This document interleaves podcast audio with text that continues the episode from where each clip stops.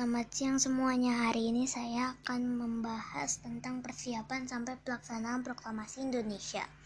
Pada tahun 1944, kedudukan tentara Jepang pada Perang Pasifik situasi kritis yang mengarah kepada kekalahan Jepang dalam perang melawan sekutu. Kepemimpinan Menteri Hideki Tojo diganti dengan Kuniaki Koiso. Pada 19 September 1944, Kuniaki Koiso memberi janji kemerdekaan kepada Indonesia.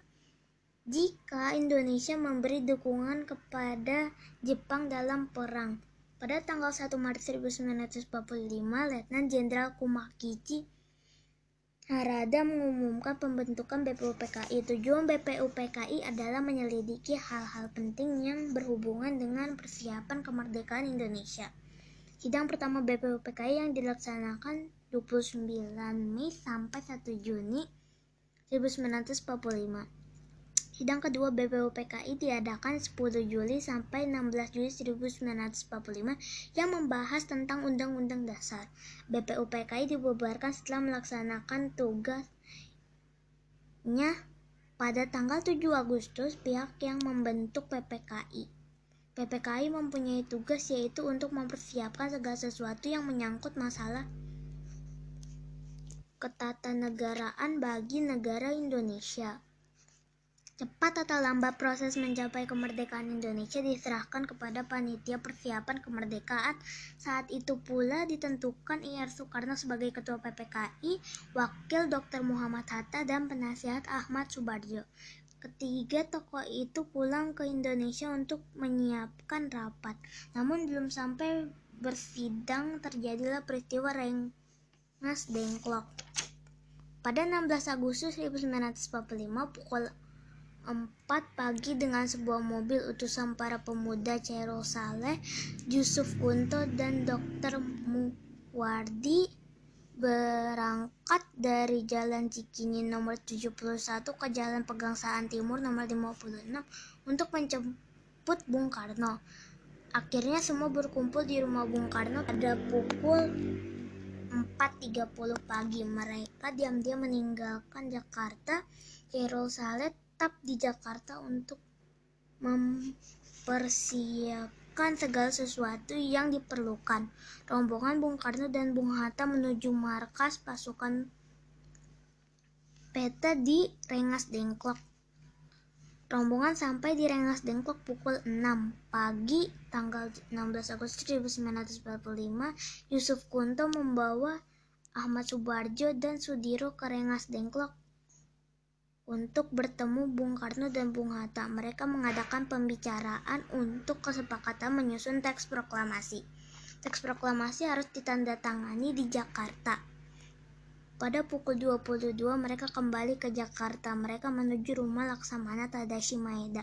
Akhirnya mereka pergi ke rumah Laksamana Tadashi Maeda untuk menyaksikan penyusunan dan penandatanganan naskah proklamasi. Pada tanggal 16 Agustus 1945 pukul 24 WIB, beberapa orang mengusul susunan naskah proklamasi. Bung Karno dan Bung Hatta menandatangani naskah tersebut atas nama Indonesia. Pada 17 Agustus 1945, pukul 5 dibahas pula tempat dan waktu pelaksanaan pemuda mengusulkan proklamasi dilakukan di lapangan Ikada. Namun IR Soekarno menyarankan proklamasi dilaksanakan di tempat kediaman di Jalan Pegangsaan Timur nomor 56 Jakarta pada pukul Proklamasi kemerdekaan Indonesia disampaikan oleh Soekarno dan Hatta atas nama bangsa Indonesia pada hari Jumat tanggal 17 Agustus 1945 pukul 10 WIB di Jalan Pegangsaan Timur nomor 56 Pagi hari itu juga masa memadati rumah Ir Soekarno untuk menjaga keamanan upacara pembacaan proklamasi. Dr. Muwardi meminta Latia Pendra Ningrat beserta beberapa anak buahnya untuk berjaga-jaga di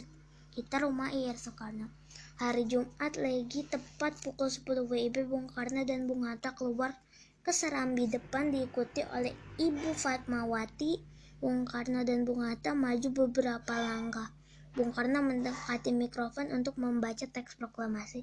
Acara berikut adalah acara pengibaran bendera merah putih yang dilakukan oleh Latif Hendra Ningrat dan S. Suhud.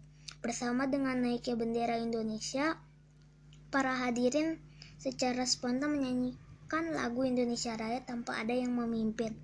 Setelah itu Suwiryo memberi sambutan dan kemudian disusul dengan sambutan Dr.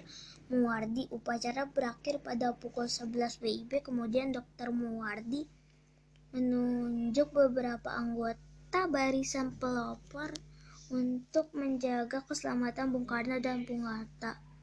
Kemerdekaan Indonesia yang telah diproklamasikan harus diketahui oleh seluruh rakyat Indonesia. Proklamasi kemerdekaan yang dibacakan di seluruh pegunungan timur 56 Jakarta hanya sampai pula ke daerah-daerah oleh karena itu para pemuda menyadari akan pentingnya penyebarluasan berita proklamasi ke seluruh wilayah Indonesia. Selain dalam negeri, berita proklamasi kemerdekaan perlu juga disampaikan ke negara-negara lain. Sekian dari saya, terima kasih.